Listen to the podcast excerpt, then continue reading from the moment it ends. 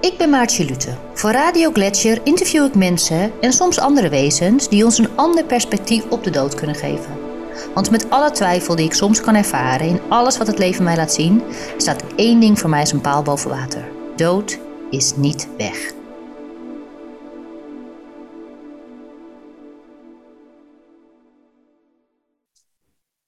Ik spreek vandaag met Yvette Visser. En Yvette Visser is levenscounselor, medium en auteur van het boek Herken mij in vlinders. En daar ga ik dit uur met haar over hebben. Hi Yvette. Hi Maartje. Fijn dat we elkaar spreken. Ja, heel fijn. Heel leuk. Ik kijk er naar uit. Ehm, ik heb hier het boek voor mij liggen Herken mij in vlinders. En het is een, een prachtige kaft, witte kaft met een soort uitsnede van twee vlinders erin. En dan zie je daaronder twee hele mooie blauwe vlinders. En de ondertitel is Ons contact blijft bestaan. Uh, er staat ook op overleven na de dood en nieuwe inzichten. En bovenaan staat in gesprek met mijn overleden oom. Ja. Uh, ja, wanneer heb je dit boek geschreven? Nou, ik heb dit boek geschreven. Um, laat ik even teruggaan. Uh, ik had ehm, als kind al was ik heel veel bij twee ooms van mij, een stel. En uh, zij zijn een beetje een rode draad door mijn leven. En op een gegeven ogenblik um, uh, was het, het was altijd al bekend dat een van mijn twee ooms, Dirk, dat hij misschien niet heel oud zou worden. En, uh, maar daar was verder nooit wat van te merken. En we hadden altijd hele mooie gesprekken, zowel met Dirk zelf als mijn andere oom Paul. Um, en we hadden altijd heel veel gesprekken over het leven, mijn hele leven lang. Ik weet niet beter. En op een gegeven moment werd Dirk ziek. En toen um, was ik bij hem geweest voor het laatst. Ik wist dat het de laatste keer was.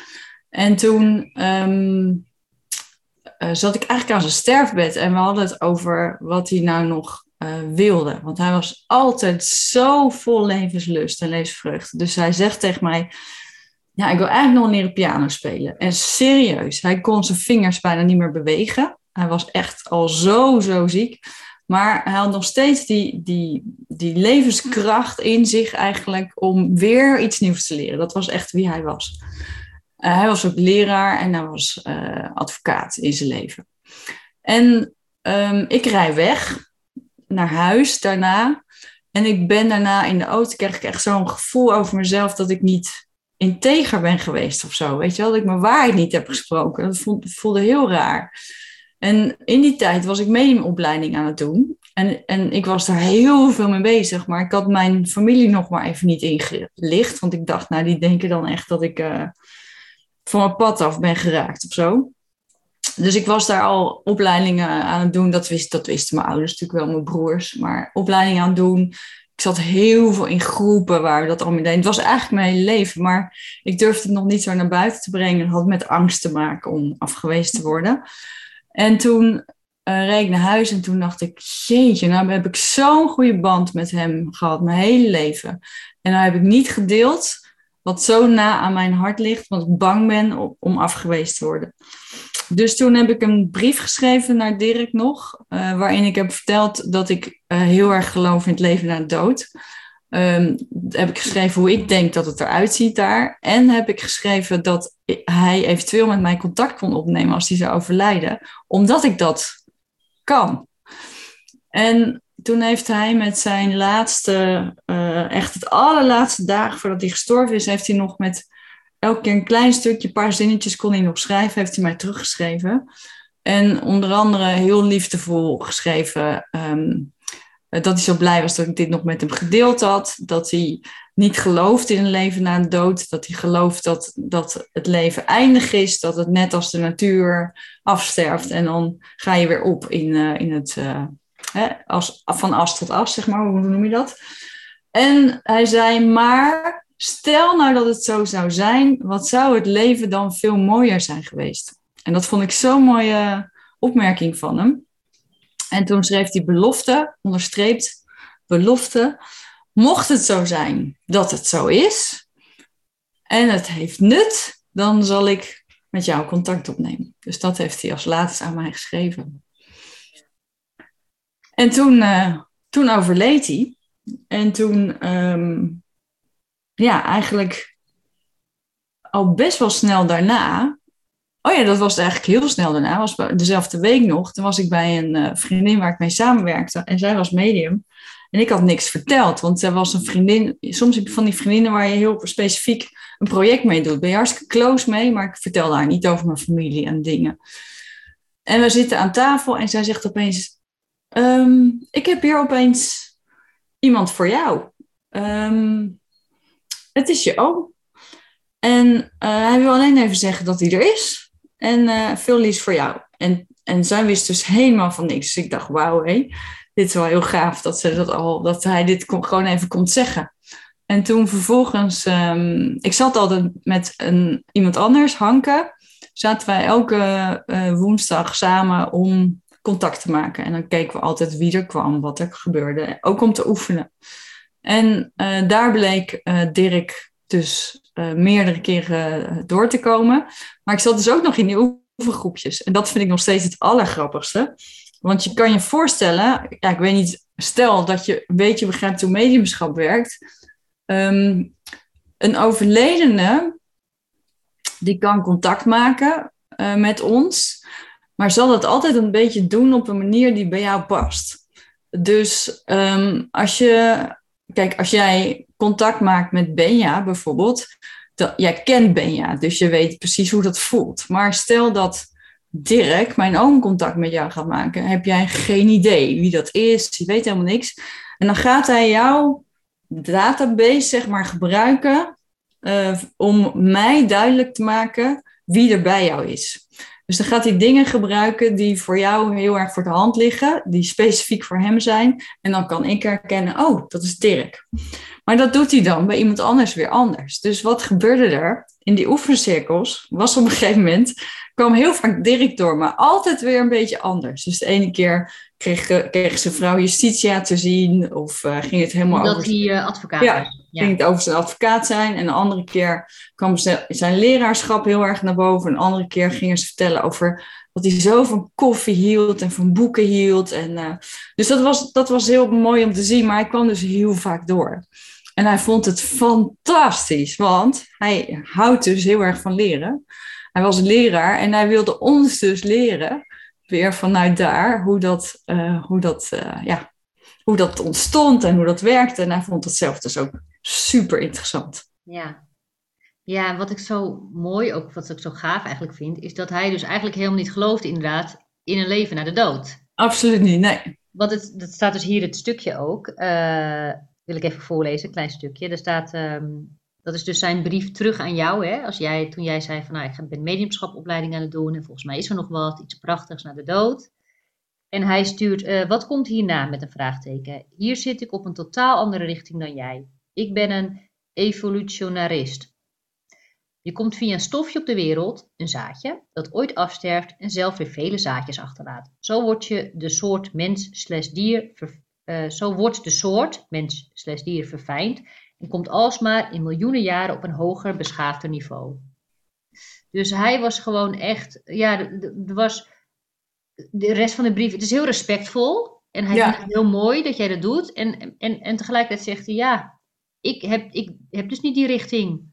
Maar mocht het zo zijn, en hij adviseert jou ook om rustigjes door te gaan met het ontwikkelen van het mediumschap. Ja. ja. Ja. En inderdaad, belofte staat er onderstreept. Ik maak heel graag gebruik van je aanbod om eventuele berichten, gevoelens door te geven als er behoefte daartoe is. Ja. Um, en hij kwam dus het eerste door bij jouw uh, vriendin of je, je, je, projectmaatje, of hoe ik moet zeggen. Ja. Um, hielp dat jou? Denk je dat hij dat expres heeft gedaan, zodat jij, zodat er meer bewijs was dat hij het was? Ja, weet ik zeker. Ja. ja, want dat is ook zo bijzonder. Hè? Bij mediumschap voel je natuurlijk meer dan dat er gezegd wordt. Het is niet alleen een woord of een, of een beeld wat gegeven wordt, maar je voelt ook um, je voelt de energie die meekomt. En daarmee voelde ik ook een beetje die smile van, uh, terwijl zij dat echt totaal niet door had. Maar ik had echt, ik voelde die smile doordat hij eigenlijk dacht van, ik moet gewoon heel snel een mogelijkheid vinden om, om eh, om die boodschap door te geven. En dan ben ik dus met die vriendin, en, en zo zie ik dat altijd voor me. En dan zien zij dat zij dat vermogen heeft. En dan denkt hij, oh ma, mooi, ik kan meteen bij haar dat eventjes komen, via haar komen vertellen. Ja. En eh, ja, dat vind ik heel bijzonder. ja. En heel snel nadat hij overleden was. Ja. Ja, was echt heel snel. Het was binnen een paar dagen. Ja, Ja. ja, Ehm, en eh, nou, je vertelt dus, hij is bij eh, eh, groepsgenootjes van jou geweest, waarmee je oefende. ja. Ehm, weet je ook nog wanneer die echt voor het eerst bij jou kwam? Dat was ook in die groepen. Ja, Ja. dat was ook in die groepen. Ja, en, en, ja, en op een gegeven moment werd het heel normaal. Hè? Dus dat is ook zo grappig. Van, van eerst was het voor mij net alsof, alsof ik dat, eh, zoals ik in die groepen zit, dat ik dan iemand doorkrijg. Maar mijn oma bijvoorbeeld, die, die al veel langer overleden was, daar, daar had ik al een heel persoonlijk contact mee. Daar hoefde ook niet iemand anders voor nodig. En bij Dirk was dat in het begin ook nog ja, vond ik het gewoon grappig dat hij via zoveel mensen zich te kennen ging geven. Mijn oma heeft het ook eerst via een ander medium gedaan, overigens. Ehm, maar het is dus heel bijzonder dat, dat je dan op een gegeven moment ja, wordt het zo eigen dat je zelf contact kan hebben en zelf kan schrijven, zelf alles kan vragen. Nou, jij weet hoe dat werkt. Maar ik vond het juist zo leuk omdat het ook zo'n leuke fase in mijn leven was. Ik was zo bezig met mediumschap leren. Hij was zo duidelijk in het, in het zeggen van ik geloof er niet in. En we hadden het zwart op wit opgeschreven. Maar de grap was dat wij ehm, met Hanke ben ik toen heel veel gaan zitten om, eh, omdat we allemaal vragen hadden aan hem. We wilden gewoon alles weten. Hoe is het leven daar? Eh, eh, wat doe je dan? Is er iets wat jij specifiek mooi vindt? Ehm, dus we hebben, we hebben het boek, daar staat, in het boek staan een aantal van al die vragen. Ehm, en, en hebben er echt uitgehaald wat we mooi vonden. Ook eh, in relatie tot Paul, zijn partner, die ook totaal niet geloofde in het leven na de dood. En, maar daaromheen hebben wij nog heel veel vragen gesteld. En wat bijzonder is, dat we dat helemaal niet deden met de reden om een boek te schrijven. We waren gewoon aan het spelen om zelf te begrijpen hoe het allemaal zat. En omdat het zo'n zo'n goede band was, hij zo makkelijk contact kon maken met iedereen en goed kon uitleggen, omdat hij leraar is. En zelf zo nieuwsgierig was, was het gewoon een hele mooie combinatie. En hij is op een gegeven moment al daar gaan zeggen dat er een boek moest komen. Van, hij zei elke keer, het is niet voor jou hè, het is niet voor jullie hè, het, het moet naar veel meer mensen. En dat was echt zijn missie. Wauw. Ja. En je noemt net al eventjes zijn partner, Paul. ja, Ehm, hoe heb je tegen hem gezegd, hoe is dat gegaan van luister, ik weet dat jullie er allemaal niet in geloven, maar ik heb hier een soort van bewijs. Of Ja. ik heb hier een ervaring. ja. Hoe is het gegaan en hoe werd erop gereageerd? Ja, dat was heel bijzonder, want Paul geloofde er nog minder in dan Dirk voor mijn gevoel. Dus daar had ik echt nog iets van, die, die, ja, die, die heb je echt de kans van dat hij, dat hij me echt raar vindt. Ehm, maar ze zijn altijd open-minded geweest, Dirk en Paul, altijd. En daarom vond ik het ook altijd zo leuk om in mijn leven met hun te sparren. En Paul heeft gewoon echt geluisterd naar wat ik hem verteld heb. En, heeft, en is dat allemaal in zichzelf gaan voelen en afwegen. En, en is daar volgens mij zo heel langzamerhand, ook door wat ik dan vertelde, dat hij dacht, ja, het is gewoon, het, het kan gewoon niet niet waar zijn. Maar hoe is dan het eerste contact? Want jij hebt dus contact met Dirk en dan ga je dat tegen Paul vertellen. Hoe Ja. heb je dat verteld? Ja, eh, eh, he- heel liefdevol en ook heel open dat hij helemaal, dat ik zei, ik weet het niet. En dit is mijn ervaring. En ik, maar ik wil hem met je delen, omdat hij zo mooi en zo intens is. En ja, we zijn gewoon heel veel met elkaar gaan praten en schrijven. We hebben heel veel gemaild met elkaar. Dus eigenlijk was dat een, een tweede effect. Dat, eh, dat ik veel meer over mediumschap ben gaan vertellen aan hem. Dat hij ehm, door wat er gebeurde eh, steeds geïnteresseerder werd om er meer over te horen. En er is een magisch moment in zijn leven, vind ik echt een magisch moment. Ehm, want ehm, het was zo dat Dirk liet zich altijd zien via vlinders. En dat hebben veel mensen, hè? dus het is niet dat dat, dat, dat heel bijzonder is. Uh, maar je hebt vaak een teken met iemand die overleden is. En ik heb daar ook niet over nagedacht, maar het was gewoon iedereen in mijn omgeving wist op een gegeven moment dat het vlinders waren. Want als we hem over hem praten, kwam er een vlinder langs. Als er eh, in een periode dat amper vlinders konden zijn, was er weer een vlinder. Er zat een vlinder binnen, of er was een wintervlinder, of er was. Het was zo bijzonder. En dat had ik natuurlijk ook al met Paul gedeeld. En die had ook al gezegd van ja, ik heb, uh, ze, ze hebben samen ze een uh, plek in Frankrijk waar ze heel vaak waren. En uh, Paul zei, het is niet normaal hoeveel vlinders hier zitten in, deze tijd van het jaar. En, dus we hadden daar heel veel gesprekken over gehad. En hij was gewoon, hij, hij zat wel in tweestrijd nog op een gegeven moment. Dat hij dacht, ja, moet ik het nou echt geloven? Of, um, en hij heeft um, uh, de as van Dirk heeft hij op een bepaalde plek in Frankrijk. Um, Graven. Ja, begraven. En nou, het is natuurlijk een, een mooie heilige plek. En hij was in Frankrijk en hij, hij liep daar een stuk van af. En toen dacht hij weer van, ja, poeh. Oké, en toen zei hij tegen zichzelf, oké, ik wil nu een teken of het waar is of niet. Want anders, als ik nu geen teken krijg, dan gooi ik het allemaal uh, van me af. En dan en is het een mooi verhaal, maar dan ga ik weer door hoe ik het geloof. En hij, dus hij staat stil. Hij loopt dus met zijn rug naar die plek toe. Hij staat stil. Hij loopt weg. Hij heeft een paar, nou echt al een stuk gelopen, want het is een aardig stuk grond waar je op loopt dan. En dan op een gegeven moment denkt hij, als ik me nu omdraai en ik zie een vlinder, dan geloof ik het. En hij draait zich zo heel resoluut om, kijkt en bij die plek waar Dirk dus begraven is, twee vlinders die om elkaar heen cirkelen. Nou, hij zei, toen had ik zo'n kippenvel. En toen wist ik gewoon, oké, okay, vanaf nu geloof ik dit. Ja. Ja. Wauw. Um, ja, vlinders zijn vaak tekens die uh, we krijgen. Uh, maar weet je dan ook hoe dat zit? Want die zielen worden toch geen vlinder? Nee, dus de energie... zijn niet de overledenen. Nee, maar het is de energie... Kijk, ik weet het niet, hè? Ik zeg nooit dat ik het weet ik, ik kan alleen maar vertellen hoe ik iets voel of hoe ik iets ervaar. En eh, voor mij voelt het zo dat um, wij zijn allemaal energie. Dus we zijn, wij hebben dan nog een fysiek lichaam, maar in wezen zijn we een energetisch, magnetisch energetisch lichaam hier op aarde. Um, en, dat, en zeg maar het energetische lichtlichaam, wat wij, wat wij ook zijn, uh, en wat overleden dierbaren ook zijn, die kunnen contact met elkaar maken. Dus, dus, en dat kan ook via gedachten, dus dat kan via beelden. Dus die kunnen elkaar, um, die maken op die manier verbinding. Daarnaast, uh, doordat het energie is, kan een overleden dierbare met energiedingen uh, laten weten. Dus bijvoorbeeld ook heel bekend uh, elektriciteit die flikkeren van het licht of het licht wat aangaat of uh, tikken wat je hoort. Of, maar in ieder geval alles met, met energie. Zo voelt het voor mij. Ik hoorde, nou, ik weet niet of je me net zag kijken, maar ik hoorde net echt tikken. Serieus? Je net weg zag kijken, dat je net zei tik, tik. Ja, ik zat te kijken en toen dacht er staat ja, iemand aan de deur, maar er staat niemand. Ja, ik zag je kijken. Ja, ik heb ook het, ja, hij zal hier wel zijn ook nu.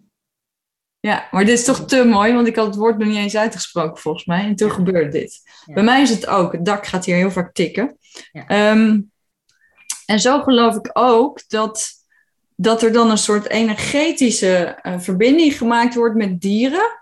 Waardoor jij of ik kan voelen dat het op dat moment je aandacht naartoe gaat en dat je voelt dat er een verbinding is. He, want je hebt natuurlijk heel vaak dat je. Uh, uh, laat ik een ander voorbeeld even tussendoor geven. ik heb met mijn vader heb ik een heel ander teken. Mijn vader is overleden. En waarom weet ik, tenminste, ik weet het een beetje. Maar wat heel, heel specifiek is, is roofvogels met hem. En ik heb dingen dit jaar meegemaakt met roofvogels. Nog nooit van mijn leven meegemaakt. Dan heb ik heel al die keren in mijn leven dat ik roofvogels zag, zag ik roofvogels. Nu zie ik roofvogels en heel vaak, ook niet altijd, maar heel vaak voel ik enorme energie en moet ik al lachen omdat, ik, omdat er een reden voor die verbinding is van dat moment. En dan voel ik het in mijn hart. En dat is wat anders. Dus het gaat eigenlijk over wat voel jij op het moment dat je dat teken krijgt. Ja. Ik denk, want ik leg dit ook wel eens uit aan andere mensen, volgens mij heb ik het van jou. Um, dat, ik weet niet hoe jij toen aan mij uitgelegd hebt, maar als ik het zelf nu uh, nog een keer vertel, is dat meer dat mensen zeg maar vanaf boven ergens hun aandacht op focussen met hun liefde. En die liefde herkennen wij. Ja. Zij willen ons dus eigenlijk met een soort schijnwerpertje, schijnen zij op een bloem of een plant of een vlinder of iets anders. En dat valt ons op, net alsof het helderder is. Niet omdat je dat met je ogen ziet, maar omdat je met je hart ziet. Het valt je op. En dan leg ik ook wel eens uit aan mensen die dan zeggen, ja, maar dan denk ik met een teken dat is toeval. Of als ik een veertje zie, ik heb het veel met veertjes gehad, dat hebben meer mensen. Maar ik zeg, ja, maar jongens, we lopen toch niet de hele dag buiten heen teken, heen teken, heen. Weet je, zo is het niet. Er gebeurt van alles om je heen. En niet alles voelt als een teken. Sommige dingen wel. Ja. Ja, en dat is dus, dus je eigen gevoel is precies wat jij zegt. Daarin vang je de liefde en de aandacht van diegene. Ja, ja en dat is dus vaak met vlinders. Ja, vaak met vlinders, ook met roodborstjes. Ja. Ook bijzonder, echt heel vaak. Dus, dus het is mooi. En ja, het mooie is natuurlijk dat uh, ook dat Paul dus zo heeft meegemaakt wat die vlinders, dat hij echt, dat hij, dat hij zelf ook zoiets had, nou ja, het is ongelooflijk wat ik daar allemaal mee heb gemaakt. Ook samen hebben we dat vaak meegemaakt. Ja. Dus dat was ook zo mooi om daarom herkenbaar in vlinders te noemen, omdat het er eigenlijk over gaat. Hoe verbonden we zijn met onze overleden dierbaren en hoeveel liefde en aandacht voor ons hebben. Steeds weer te vertellen van ik ben er, ik zie je, ik ben bij je. ben natuurlijk heel benieuwd naar wat jij allemaal hebt gevraagd aan je oom. Ehm, je, je, zegt, ik ben daar niet echt dus begonnen met een boek te schrijven. We zijn gewoon vragen gesteld en jullie hebben het opgenomen of opgeschreven. Ehm, en je zei net al, ik, ik, vroeg ook, wat doen jullie daar? Ik heb die vraag ook altijd. Ik heb toen, mijn vriendin is overleden, Marieke, 29 mei is dat een jaar terug. En ik heb ook eens aan haar gevraagd, wat doe je daar nou de hele tijd? Weet je, wat sta je op en maak je een broodje? Nou ja, dat zal wel niet. En toen, ik kreeg vanuit de ja, maar wij doen niet, wij zijn. Ja, mooi. En wat heeft, en daar had ik niet zoveel aan, want ik dacht, ja, wat kan ik daarmee? Misschien komt er toch het inzicht. Maar wat heeft, uh, weet je nog wat Dirk daarop geantwoord heeft?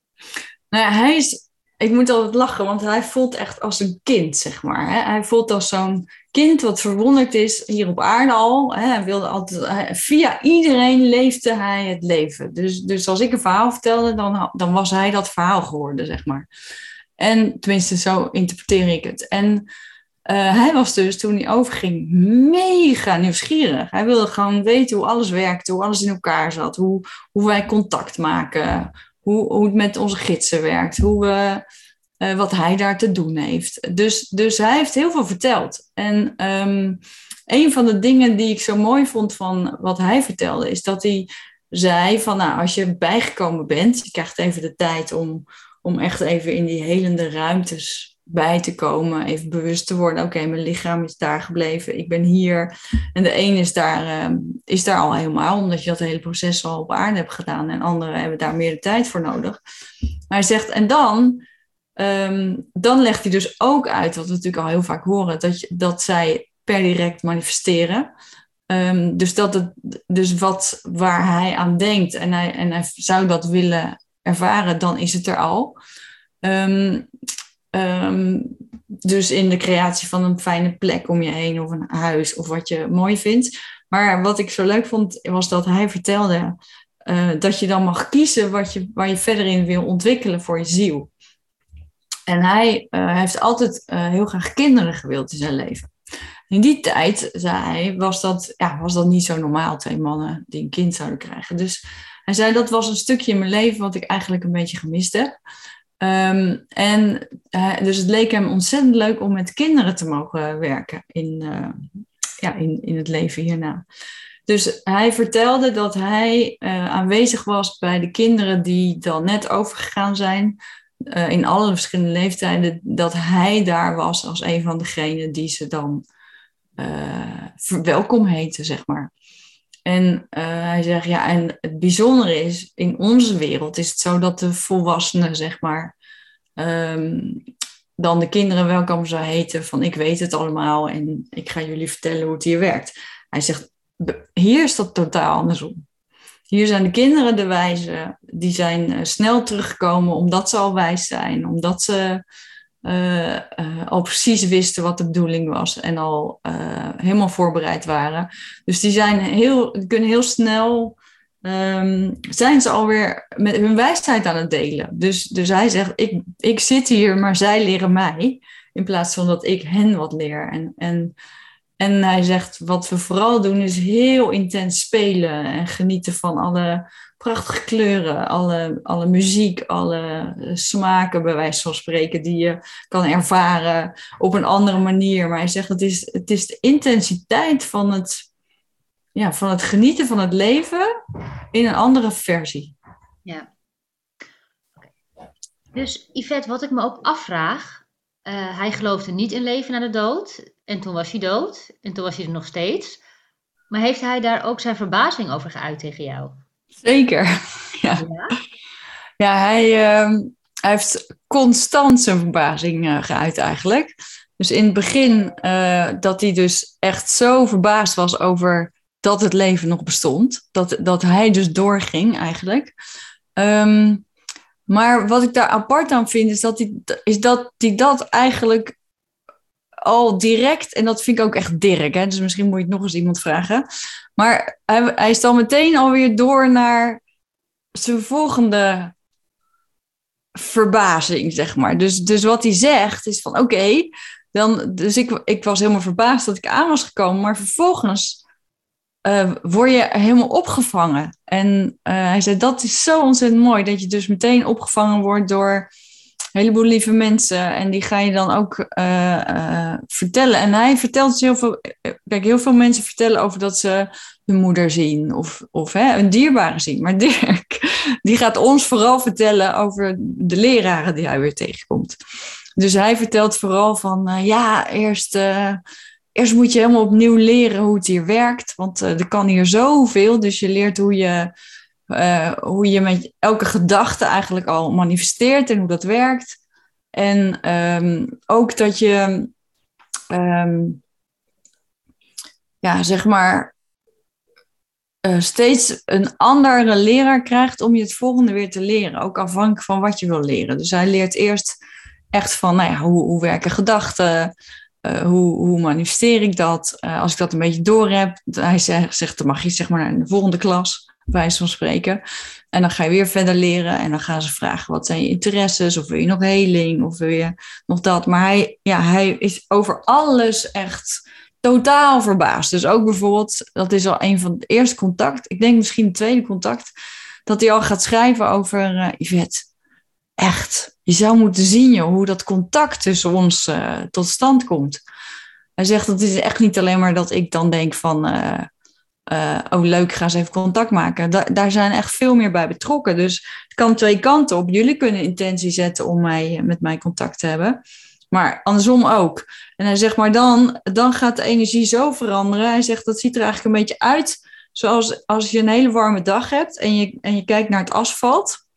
Dan zie je soms van die weet je, van die kringetjes erboven, weet je wel, die bewegende energie. Hij zegt, nou, dat zie je dan met allemaal kleuren.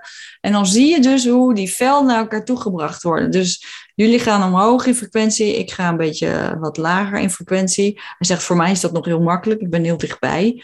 die, die grote wezens van zoveel meer licht, die hebben daar nog wel meer in te doen. Uh, persoonlijk denk ik ondertussen dat het veel makkelijker is. Want uh, het is nu natuurlijk toch alweer een paar jaar later. En het wordt elk jaar makkelijker. Dat, zo voel ik het. Het is echt omdat veel makkelijker geworden. omdat ja. onze trilling hoger wordt ja. aarde. Ja, absoluut. Dus wij gaan meer richting hen. Ja. Ja, dus het is nu ook voor veel meer mensen...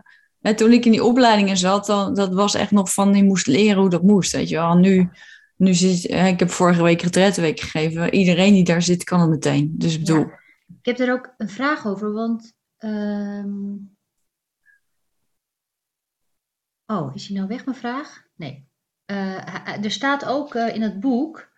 Um, dat zijn trilling nog lager is dan de meeste bij ons, zegt hij. Maar mm -hmm. komt dat omdat hij dan net is... Oh, ik weet mijn andere vraag. Maar komt dat omdat hij dan net is overgegaan dat hij daar nog maar kort was, dat die trilling nog, dat hij beter op ons af kan stemmen? Heeft het daarmee te maken? Ik moet eerlijk zeggen dat hij dat niet omschrijft zoals hij het omschrijft. Op dat moment is het omdat hij uh, uh, nog heel close is bij zijn menselijke vorm. Dus dat het daarom heel makkelijk is. Maar terwijl jij de vraag stelt, krijg ik ook het gevoel dat het uitmaakt. Um, tenminste, voor mij langzamerhand. Ik voel heel vaak mensen die die net overleden zijn, voel ik veel intenser en vaker dan degene die wat langer overleden zijn. Die lijken net wat verder weg. En dan is het echt, dan spreek je echt een intentie uit om uh, elkaar te voelen. En dan, maar dat heeft ook mee te maken dat ik nog niet zo heel veel hele close dierbaren. Uh, hè, zoals een partner of een kind of zo, waar je, als je daar al door contact mee houdt, dan hou je dat volgens mij. Maar bijvoorbeeld met mijn schoonouders en mijn vader, uh, die zijn er elk moment dat ik het wens, als ik de intentie uitspreek, maar die zijn niet de hele dag in mijn veld. Dus, dus daar vraag ik het eigenlijk. Ja, want dat is ook wel vaak wat ik terughoor van ouders. Die zeggen in het begin voelde ik mijn kind, die dan overleden is, hè, veel meer dan nu. En uh, ik heb daar dan altijd een soort verklaring voor die ik een keer heb gehoord van uh, Channeling Eric. Ik weet niet of je hem kent. Nou ja, hij is ook overgegaan, hij heeft contact met zijn moeder. En hij legt het ook een beetje uit dat je ook op een gegeven moment meer gewend raakt aan dat contact. Omdat het in het begin voelt het zo anders, omdat je het helemaal niet gewend bent. En dan krijg je echt een soort van nou, shock of dan, dan klapt hij binnen. En later als je langer contact hebt, dat het gewoon eraan voelt. Dus dat je niet meer zo goed het verschil voelt wanneer iemand er echt is, omdat het meer, ja, blend. Zo. Ja, ja, het is mooi uitgelegd, want dat is ook vaak als je voor het eerst uh, komt, stel je gaat op les voor intuïtie en mediumschap, um, dan is het, en je hebt nog nooit iets meegemaakt, dan maak je heel vaak in het begin meteen een, echt een blast mee, hè? Ja, die had ik. Echt denkt zo, wow, hey, kan ik dit, hè? Ik, ik. Ja. In die zin van, oké, dat doe je samen. Maar dan maak je iets prachtigs mee, iets geweldigs mee. En dan is het wel zo dat je soms, um, dan wen je er meer aan. Kijk, als de ongeziene wereld, die, die, die, die doet moeite om met ons contact te hebben. En um, op een gegeven moment is het inderdaad voor hun normaler, voor ons normaler. Wordt het meer zoals jij en ik aan het praten zijn. Dat ja, je weet gewoon dat je er bent. Zij hoeven dan ook niet meer alles uit de kast te halen om jou weer te laten voelen dat ze het echt zijn. Want je weet het. Dus dan wordt het, wordt het meer zoals je het in het aardse voelt, zo ga je dat ook ervaren. Dus precies wat jij zegt. Um, dus het wil niet zeggen dat ze verder weg zijn. Het kan wel zo zijn, naar mijn beleving, maar zoals ik al zeg, ik weet het niet. Um, is dat ook zij een zielenpad hebben. Dus dat zij ook met hun eigen zielsontwikkeling bezig zijn. Um, en dat zodra jij met je gedachten aan ze denkt, is het mogelijk om direct weer in verbinding te zijn. Ja, ja. Uh, Oké, okay, we waren gebleven. Hij kon dus nog makkelijk contact maken. Ja. Uh, met jou. Oh, hij ging uitleggen hoe dat dan werkte. Ja, ja. contact maken. Dus met die kleuren, ja. En, en hoe. Uh, had hij daar nog meer over gezegd? Nou ja, dus het gaat eigenlijk om de blending. En wat hij zegt, wat het belangrijkste is, hij zegt het is heel belangrijk dat jullie je intentie zetten als je met ons contact wil maken. Uh, want dat is eigenlijk het energetische ja van jullie kant. Uh, dat wij uh, kunnen reageren. Andersom gebeurt het ook. Dat is via tekens of je voelt in één keer het niets. Dan zetten zij de intentie. Hij zegt het grappige van tijd en ruimte is. Hij zegt bijvoorbeeld, ik zat elke woensdag samen met Hanke. Hij zegt, dat is een tijdsbepaling waarin jullie je intentie al hebben gezet. Dus dat, en dan, dan is het allemaal al voorbereid. En, en nogmaals, het wordt gewoon allemaal steeds simpeler en eenvoudiger. En um, jij zegt ook, ze geven boodschappen door op een manier die bij ons past. Ja. Dus sommige mensen zullen, uh, wat ik wel eens krijg, is een soort filmpjes in mijn hoofd ik zie het niet met mijn ogen, maar het is een soort van filmpje in je hersens of zo. Ja. Dat je net, sommige mensen die ruiken dingen of die weten dingen, die voelen dingen. Hebben zij daar een hand in? Of, of zij zenden gewoon en wij pikken het op op de manier die wij kunnen of die de minste weerstand heeft? Ja, je kan eigenlijk zeggen dat, dat um, het is een taal. Dus wat zij, zij bekijken eigenlijk uh, welke taal bij jou past. Dus hoe ben jij bedraad? Dus hoe ben jij bedraad en wat is heel makkelijk om, uh, om te bereiken? Dus als ze bij jou zien, hey, jij werkt heel makkelijk met beelden, um, dan wordt dat bij jou inge ingebracht. Uh, bij mij weten ze dat ik heel, goed, heel makkelijk ben met voelen. Dus, uh, dus ik, ik voel het. En dat is voor mij ook de cue. Weet je wel, als ik het niet voel, dan, dan ga ik eerst checken of, of het klopt. Want ik moet in ieder geval het voelen. Ja. Dan weet ik dat, het, dat ze mij als instrument gebruiken uh, wat, wat bij mij past. Ja. Oké, en jullie hebben dus allemaal vragen gesteld aan Dirk. Ja, Kwam hij zelf ook met onderwerpen waar hij het over wilde hebben? zeker. Heel veel zelfs. Hij heeft ehm, eigenlijk hij heeft heel veel gezegd over ehm, dat wij het leven niet zo serieus moeten nemen. Hij heeft echt heel veel over gezegd. Hij zegt, als ik terugkijk naar mijn leven, dan denk ik, mijn god, wat heb ik, het, wat heb ik mijn best gedaan en wat heb ik het allemaal serieus genomen. En ehm, hij geeft als metafoor dat hij zegt van, ik zou iedereen toewensen om eens af en toe naast mij op, op tussen aanhalingstekens de wolk te komen zitten. En dat je gewoon eens even naar het leven kijkt. En dat je ziet hoe iedereen zo in de focus zit van, van zijn leven, wat hij, wat hij nog moet doen. Hoe, eh, het is net alsof er geen adem gehaald wordt. Het is net alsof iedereen zonder op te kijken helemaal niet door heeft dat de zon schijnt. Dat, dat wij hier zitten, dat wij al daar beschikbaar zijn. Dat hier allemaal engelen aanwezig zijn, gidsen aanwezig zijn. Je ziel die je allerlei boodschappen doorgeeft. Zegt, het is net alsof, er, alsof je hierboven zit en dat je naar beneden kijkt en dat je geen enkel contact krijgt. En dat je echt denkt, nou, bij wijze van spreken een beetje, waar zijn jullie nou mee bezig? Het is zoveel meer en zoveel groter.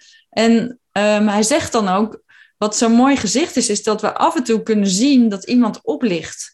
En dat zijn degenen die dan uh, in staat zijn om zo open-minded te zijn dat er een verbinding gemaakt kan worden. Dus dat je het licht op kan vangen, uh, dat je vragen kan stellen, dat je een teken kan ontvangen, dat je um, zelf contact kan maken met je eigen ziel en je gidsen. En, en hij legt eigenlijk uit dat is zo'n intens groot deel van jullie leven als je dat in gaat zetten, um, waardoor je ook allerlei dingen leert. Dus, dus hij zegt bijvoorbeeld, een van de andere dingen die hem zo intens uh, bewust hebben gemaakt, is dat schuld niet bestaat. Dat alles, dat weet je, maar het is zo mooi. Hij zegt, alles is met elkaar verbonden en alles is de bedoeling. Maar als je kijkt, zegt hij, hoeveel ik in mijn leven met schuld bezig ben geweest. Wat zonde van mijn tijd. Want het heeft mij niet gediend, het heeft de ander nooit gediend. En omdat alles met elkaar verbonden is, ja. uh, is alles de bedoeling. Precies. Dus wat zitten jullie als mens eigenlijk te rommelen met schuld? Ja, je zit natuurlijk met z'n allen in een systeem. Ja. En, en als iemand daar misschien een misstap hè, tussen haakjes maakt, dan betrekt hij dat vaak op zichzelf. Maar het is het systeem die dat, die dat, die, dat momentum naar boven brengt. Ja, wat nodig is. Hè? Dus ja. als je als je bij alles bedenkt dat het in principe nodig is, terwijl je steeds weer terugcheckt naar je gevoel, wat is mijn waarheid, wat is mijn weg, uh, dat, dat is een hele, hele belangrijke. En welke die ook heeft gezegd, die in die tijd voor mij heel veel uh, verschil maakte, um, dat is dat als mensen het moeilijk hebben, dat echt het aller beste wat je kan doen voor mensen is dat jij in je hoogste frequentie gaat zitten. Dus dat jij uh, de bloem in de modder bent, zo noemde hij dat als metafoor. Dus dat betekent dat je, in plaats van dat je helemaal naast diegene gaat zitten en helemaal mee gaat voelen hoe erg het allemaal is en hoe moeilijk het allemaal is, dan ga je met z'n tweeën in die modder zitten. En hij zegt dus, het is niet om het te ontkennen, natuurlijk. Je, je, je, je uh, hoe zeg je dat? Je onderkent wat er is. Ja. Maar waar iedereen het meest aan heeft, is dat jij je stralende zelf bent. Met je grote vreugde en je grote liefde en je levenskracht, levensenergie. Uh, uh, want die straalt over op de ander. Dan, dan kan je zeg maar, dat wat meer licht is, kan schijnen naar de schaduw. Terwijl als jij ook denkt van, oh, ik moet dan een beetje op dat niveau gaan zitten. Um, en wij hebben een soort overtuiging, dat staat in het boek dat wij, als we niet op diezelfde laag gaan zitten, dat, we, dat je ze niet ziet of dat je ja. niet begrijpt wat er is. Ja. Maar dat was een hele, hele belangrijke toont, boodschap. Ja. leven toont. Ja. Ja. ja. Wat, ja. ja. Ik heb wel zo'n mooie gehoord, dat was met Wieteke en Arjoen, die je ook goed kent. Ja. Als iemand in een put zit, je kan erin springen en erbij gaan zitten, of je kan een ladder naar beneden laten, laten gaan en, en zeggen, kijk, je kan omhoog. Ja, dit is precies toen ik dat in jullie interview hoorde, dacht ik zo, wauw, dat is echt precies hetzelfde als die bloem en de modder. Dus ja. zij willen ons zo graag laten zien van, uh, dat sommige menselijke trekjes van ons, en ik vond het leuk van Dirk, omdat hij net zo menselijk geleefd heeft als wij, dat hij echt bij sommige dingen zegt, jeetje, wat een... Uh, ja, wat, wat kan je het jezelf toch moeilijk maken eigenlijk in je leven? Het, het kan zoveel lichter zijn. Heeft hij ook wel eens geprobeerd om bij Paul door te komen? Zeker, ja. Is dat Ja. gelukt? Ja, nou ja, het is, het is grappig, want ehm, ik heb natuurlijk veel boodschappen aan Paul doorgegeven van Dirk. En, Dirk was, en Paul was altijd geraakt door hoe ik het zei. Of ook in het boek bijvoorbeeld zegt, legt Dirk uit van, eh, dat je helemaal zelf mag kiezen wat je, wat je wilt doen. En, eh, en dan zegt hij bijvoorbeeld van, als ik, eh, als zou ik de hele dag lekker tussen de bloemen willen liggen in een bloemenveld ja, dat zou fantastisch zijn. En, dan, en Paul raakt dat dan zo. Die zegt, oh, dit is zo direct. Dit is zo wat hij, weet je wel, wat hij, wat hij eigenlijk zelf wel eens voelde, dat hij dat in zijn leven zo fijn zou vinden. Ehm, dus het was vooral door de, de herkenning van de energie en de woorden dat Paul dit, dit, dit voelde dat dat klopte. En hij heeft, eh, we hebben samen hele bijzondere momenten meegemaakt, waarin Paul een gedachte had gehad en ik ook. Ehm, ik linkte hem aan Dirk, Paul niet. Maar doordat ik dezelfde gedachte had gehad, wist hij dat hij hem van Dirk binnen had gekregen. Dus hij heeft ehm, af en toe wist hij het zeker, ook met hulp van wat er in zijn leven gebeurde. En af en toe was hij helemaal, was Paul ook wel echt gefrustreerd dat hij zei: waarom krijg ik nou niet makkelijker zelf contact? Want eh, Ehm, en dat, dat zit ook een beetje in het geloof, volgens mij. Geloof je dat je echt dat contact kan hebben? Ja. Want kun je zeggen dat we eigenlijk veel vaker tekens of gedachten of boodschappen doorkrijgen dan we doorhebben? Dat we Zeker. denken dat het onze eigen mind is die wat doet. Ja, zeker. En het is, het is zo mooi om er bewust, en jij weet dat natuurlijk, om er bewust van te zijn. En het maakt ook weer niet uit. Dus, dus het is ook weer niet zo belangrijk, maar het is wel belangrijk voor als je dan verbinding met je overleden dierbare wenst, dat je daar ook het serieus neemt dat dat in je leven bestaat. Als je het altijd, eh, eh, als je het altijd wegwuift, bijvoorbeeld mijn moeder zegt altijd van ja, ik heb dat niet wat jullie hebben, ik kan dat niet. Um, en, dan, en dan laat ik haar zien wat er gebeurd is of wat er. En, dan, en zij krijgt nu langzamerhand dat ze denkt: Oké, nou, ik, heb, ik kan niet zo makkelijk als jullie, maar ik weet echt dat er voor mij gezorgd is. En zij ziet dus in haar leven, waar echt bizar veel toevalligheden zijn, allemaal voor haar zorgend, dat dat, dat daarmee te maken heeft. En ze heeft één keer gehoord in haar halve slaap, hoorde ze mijn vader haar naam in de oor zeggen. En nou ja, toen dacht ze dat was een droom. En toen zei ik, nou, ga maar vanuit dat je, dat, dat, dat je hem nu echt gehoord hebt. Mooi. Ja. Kon je alles snappen wat uh, Dirk jou vertelde? Of heb je ook wel eens gedacht, hier, dit uh, kan ik niet uh, bevatten. Hier kom ik niet. Um, ik wel, maar, maar ik weet bijvoorbeeld dat Paul dat niet altijd zo makkelijk vond. Dus um, ging bijvoorbeeld een stuk over uh, vergeving. Um, en dat vond ik juist zo mooi, hè? want juist door de gesprekken die ik met Paul had, werd ik verder uitgedaagd om vragen te stellen. En um, de vraag ging eigenlijk over uh, hoe moet je kijken naar mensen die echt heel diep onrecht aandoen. Of echt leiders in de wereld die, die de meest vreselijke dingen uh, op hun naam hebben staan. Hoe, hoe kan je daar naar kijken? En toen kwam daar een heel antwoord op dat, um, dat je nog steeds vanuit compassie naar de ander kan kijken. En dat, um, ja, dat, het, dat je als, als je diegene nog steeds als mens kan zien, dat dat heel iets anders is dan dat je hem als vijand ziet of als, als, als uh, dader of als. En daar kwam een heel mooi verhaal over de witte vlag. Dat je eigenlijk zelf uh, uh, via de witte vlag aangeeft van ik zie jou nog steeds als mens. En dat we zeiden hoe zou het zijn als op een, op een uh, oorlogsveld waar mannen en mannen nog steeds elkaar meestal in de ogen kijken. Um, dat je dat de een opeens in de ander de mens herkent. Wat natuurlijk af en toe gebeurt. Waardoor ze elkaar weer als mens zien en niet meer als vijand. Nou, daar ging een heel stuk over dat, dat het zo belangrijk is hoe je kijkt naar degene in de wereld die uh, echt vreselijke dingen doen. En um, Paul zei daar, daar bijvoorbeeld over van nou, pff, ik, vind dat, ik vind dat echt wel een beetje ver gaan. Ik weet niet of ik dat zo kan zien. En, ja. en, uh, en dat herken ik wel. Dat, dat ook wel eens mensen tegen mij zeggen, ja, maar bij jou is alles altijd zo liefdevol. En het grotere plaatje. En uh, En denk, ja, dat begrijp ik dat je dat zegt. Want, eh, want in de realiteit gebeuren er vreselijke dingen.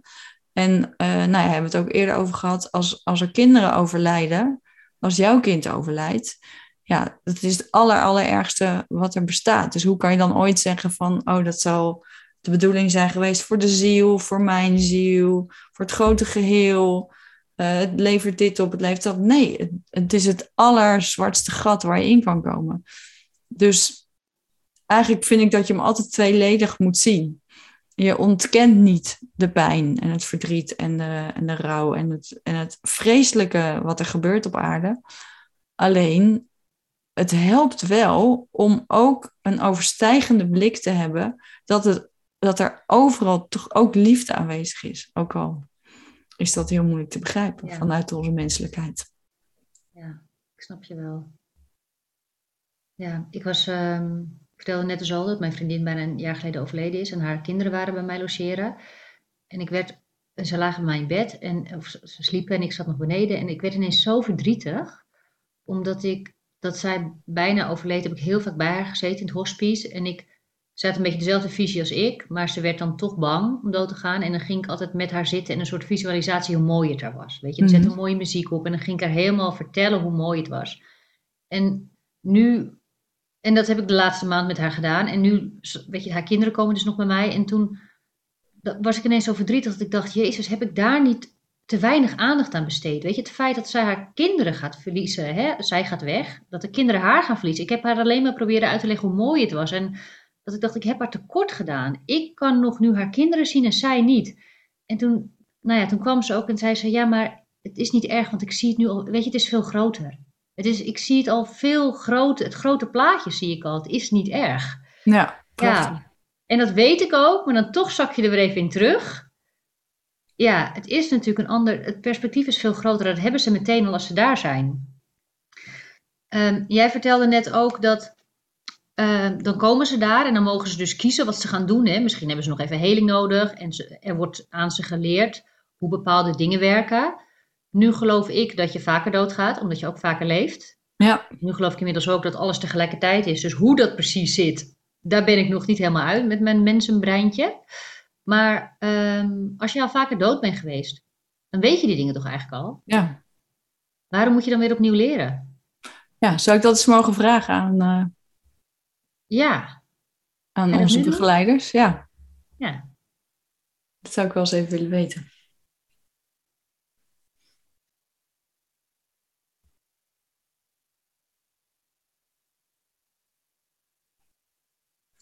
En het klopt dat het antwoord niet eenduidig is. Voor veel zielen is het als de vis die weer terugkomt in het water.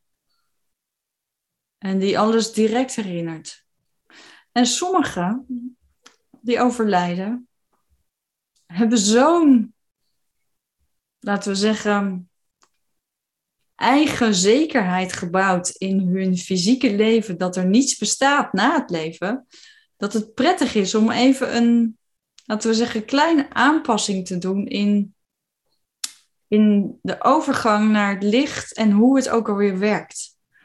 Dus voor sommige mensen is het fijn om weer even opgevangen te worden en even weer herinnerd te worden aan wie ze werkelijk zijn, wie ze werkelijk in essentie zijn. En dat voelen ze direct. En dan ook weer even te ervaren samen met degene in het licht om te ervaren hoe het ook weer is en hoe het ook weer werkt. Andersom is het natuurlijk interessant, want jullie zouden net zo goed kunnen vragen: waarom moet je dan, wanneer je weer geboren wordt, weer door dat hele riedeltje heen? Dat zou een echt interessante vraag zijn, want dat duurt nogal lang. Zou jullie daar ook antwoord op wensen? Ja, hij kwam eigenlijk ook al meteen bij me op, inderdaad, die vraag. Dus graag. Oké. Okay. En laten we vooropstellen dat dat, dat dat een overtuiging is van de mens. Dus het is een overtuiging van de mens op dit moment in het collectieve veld sowieso nog steeds dat je als baby geboren wordt en dat je dan helemaal ontwikkeld tot mens en dat je uiteindelijk weer sterft. Um, velen van jullie weten dat er sowieso al veel meer dimensies zijn waarbij je niet meer sterft of geboren hoeft te worden. Dus wanneer je bijvoorbeeld naar opgestegen meesters kijkt, dat zijn laten we zeggen, lichtwezens die bij wijze van spreken in en uit kunnen gaan in een fysieke vorm. Die manifesteren even een fysieke vorm waardoor ze zichtbaar zijn wanneer dat echt de bedoeling is voor degene op aarde in een fysiek lichaam. Meestal laat ze zich echter energetisch zien, ook omdat veel mensen nu in staat zijn om ze als energetische verschijning, als lichtwezen te zien en te herkennen. Wanneer het collectieve bewustzijn gelooft dat alle lichtwezens zichzelf kunnen manifesteren in de vorm die zij wensen, dan zou dat ook direct de werkelijkheid zijn. Dus het is een kwestie van tijd dat dit op een dag anders kan zijn. Binnen het systeem van het fysieke leven is het een prachtig gegeven dat je in alle onschuld geboren wordt en opnieuw de reis mee kan maken, waarbij je, ehm, laten we zeggen, de imprints kan krijgen als kind die jouw ziel wenst om mee te maken. Want de ziel wenst ervaringen mee te maken. En wanneer jij in alle onschuld, laten we zeggen, in één keer gemanifesteerd zou worden in, op bijvoorbeeld de leeftijd van 30, dan heb je die imprints niet meegekregen die jullie nu nog wel als kinderen uh, en um, pubers en jongvolwassenen, laat ik het zo zeggen, uh, leren die jullie vormen in de ervaringen die je wenst te kantelen later in je leven. Je zult zien dat kinderen die nu geboren worden al, al veel authentieker kunnen blijven in hun werkelijke zijn, waardoor ze ook veel sneller door die fases heen kunnen. En op een gegeven moment zal het zo zijn dat zij al heel snel wel zullen opgroeien, maar daarin hun eigen licht kunnen bewaren en hun eigen waarheid kunnen bewaren. En dan komen zij voornamelijk naar de aarde omdat ze hier voor de mensheid dit soort uh, overtuigingen en patronen willen helpen doorbreken door zelf zoveel licht in het hele systeem te brengen. Mooi. Mm, een vraag die ook bij me opkomt is, uh, als wij geboren worden, dan krijgen we de sluier van vergetelheid. Herken je die term? Zeker. Um, klopt het dat we die krijgen omdat we alleen onze ervaringen voluit kunnen ervaren als we denk denken dat het echt is? Heeft het daarmee te maken?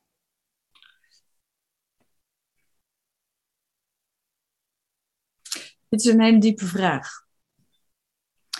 Wat zou er gebeuren als die sluier van vergetelheid niet zou bestaan? dan zou je naar het leven kunnen kijken meer als, zoals Dirk net omschreef, als een soort spel en neem je het niet zo serieus. Mhm. En wie dient het om die sluier van vergetelheid hier op aarde te laten plaatsvinden?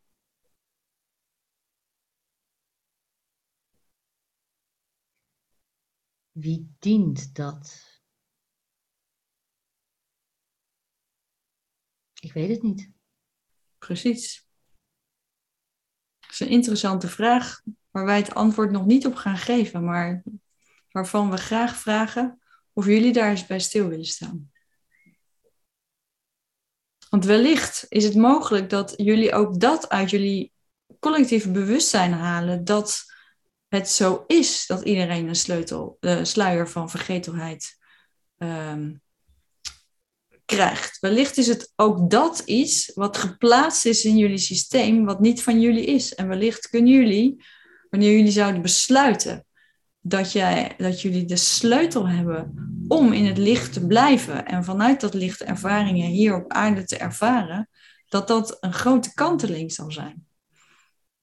En er zijn nu veel, steeds meer zielen die hier op aarde komen, waarbij die sluier van vergetelheid niet meer werkt. En dat is waar deze aarde naartoe gaat. Dat er heel veel mensen op aarde zullen komen zonder deze sluier. En dat maakt dat er een enorme kanteling kan komen in het collectief bewustzijn. Mooi. Ik kijk naar uit. Dankjewel. Is er nog een vraag voor ons?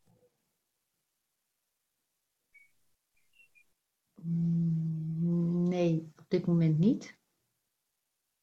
Dankjewel.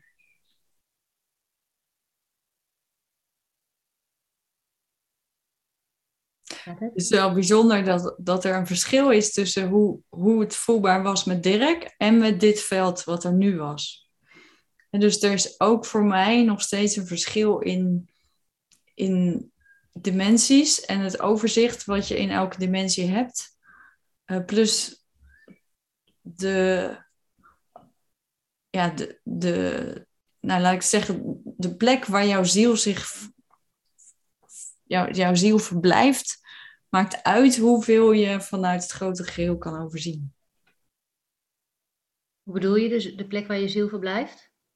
Nou ja, je, je, zoals net gezegd werd, je hebt, je hebt zielen die nog met de sluier van vergetelheid komen. Zoals mm ik bijvoorbeeld.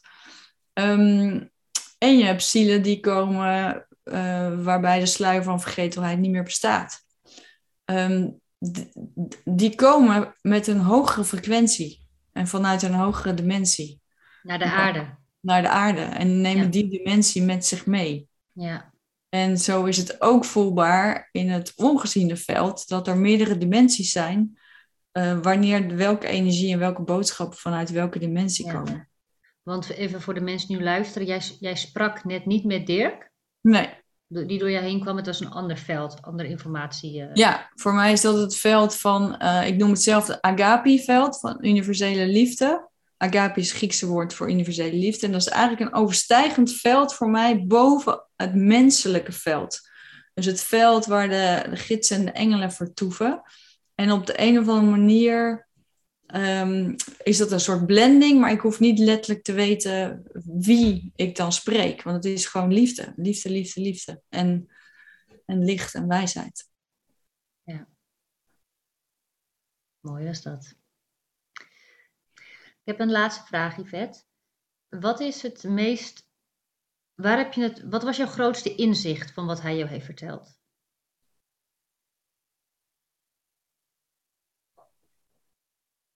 Het grootste inzicht is dat.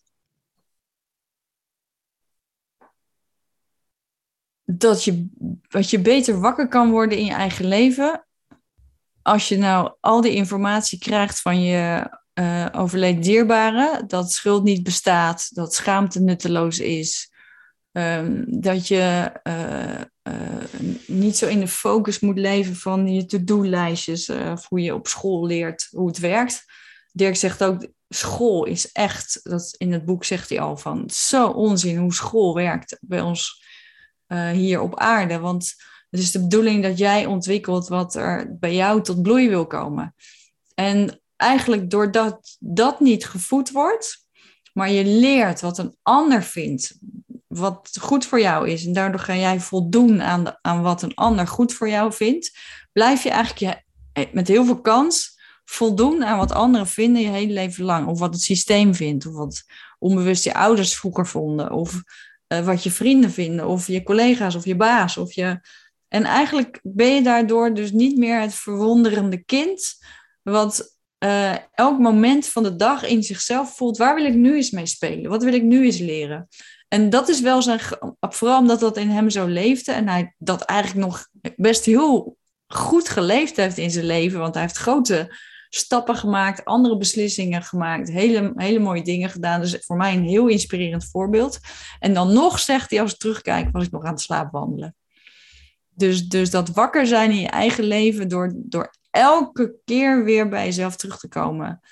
En echt eerlijk te zijn, als ik nu alles los zou laten en ik zou nu van binnen dat hele kleine stemmetje horen, wat zou ik dan nu doen? En dat doe je morgen weer en overmorgen weer en overmorgen weer. En de moed hebben om, ja, om, om naar dat stemmetje te luisteren in plaats van naar wat je denkt dat de bedoeling is. Ja, je, je enthousiasme volgen. Helemaal, ja, 100%. Mooi. En waar kunnen mensen je boek vinden? Uh, ze kunnen het sowieso vinden via boekwinkels, uh, via internet, gewoon bekende kanalen. En je kan ook kijken op het Levenscollege. Uh, daar vind je bij aanbod ook bij boeken het boek. Dus op vele manieren te vinden. Herken mij in vlinders van Yvette Visser. Is er nog iets dat ik ben vergeten te vragen? Wil je nog wat toevoegen? Misschien is het mooi om voor iedereen die een overleden dierbare heeft en misschien al even niet meer zo stil heeft gestaan bij de tekens. Meestal als je dit hoort en dit beluisterd hebt, is, dat, is er weer een intentie in jezelf aangezet. En ik zou iedereen willen uitnodigen om je echt te laten verrassen. En daag maar eens uit. Daag maar eens uit om eens echt hele mooie tekens te krijgen. Of iets heel bijzonders terug te krijgen van iemand anders. Waarvan je denkt, wow, wat een synchroniciteit, wat een toeval. Hoe kan dit? Ik heb er één voorbeeld van wat ik nog even wil delen. Is um, Dirk was overleden. Ehm, en ik zat, ik ging naar Frankrijk. En zij had natuurlijk dat huis in Frankrijk. En dan was ik ook met hun vaak geweest. En ik ging naar Frankrijk, ergens in de buurt. En ik zat daar bij een meertje. En, uh, en ik, uit het niets, ik was helemaal aan het genieten van de sereniteit. Het was echt zo'n moment dat het leek alsof de natuur even zweeg van schoonheid. En op dat moment voel ik Dirk. En die, en die geeft mij een boodschap. En ik was helemaal overdonderd over die boodschap. En ik dacht, verzin ik dat nou? Want het was echt iets heel moois. En um, dus ik ben helemaal daarmee verbonden. En ik, en ik denk, nou ja, ik laat het maar los. Ik weet niet of ik verzonnen heb. En ik loop weer terug. En ik was op een schrijfweek. En uh, uh, ik kom binnen. En degene die dat die week organiseerde, die kende ik een beetje. Weet je wel, we kenden elkaar zoals je wel meer mensen zo kent. Maar we kenden elkaar niet echt goed. We hadden nog nooit echt heel lang met elkaar gepraat of zo. Sorry. Gezondheid. En zij komt wij lopen langs elkaar. Ik kom dus dat gebouw weer binnen. We lopen langs elkaar en zij, zij raakt mij zo aan en zegt: Hey, boef! En loopt weer door en kijkt daarna naar mij aan en zegt: Wat doe ik? Ze zegt: Sorry, wat doe ik? En ik denk: Wauw, hé. Want uh, Paul en Dirk hadden als koosnaam voor elkaar boef. Nou, toen had ik echt zo'n kippenvel en toen dacht ik, oké, over bevestiging gesproken. En dit was dus een voorbeeld. Ik ging die week, in die week ging ik lunchen met Paul. En die kwam dus met precies hetzelfde voorstel, wat hem ingegeven was, wat ik bij dat meertje had gevoeld. Nou, zulke, zulke dingen is mooi om uit te nodigen, dat je op die manier verrast wil worden. Want dat kan, als jij ervoor open staat, wordt het alleen maar mooier. En als je een beetje uitdaagt, wordt het ook mooier, omdat het speels is. En speelse energie en enthousiasme is magic. Mooi. Dankjewel. Dankjewel.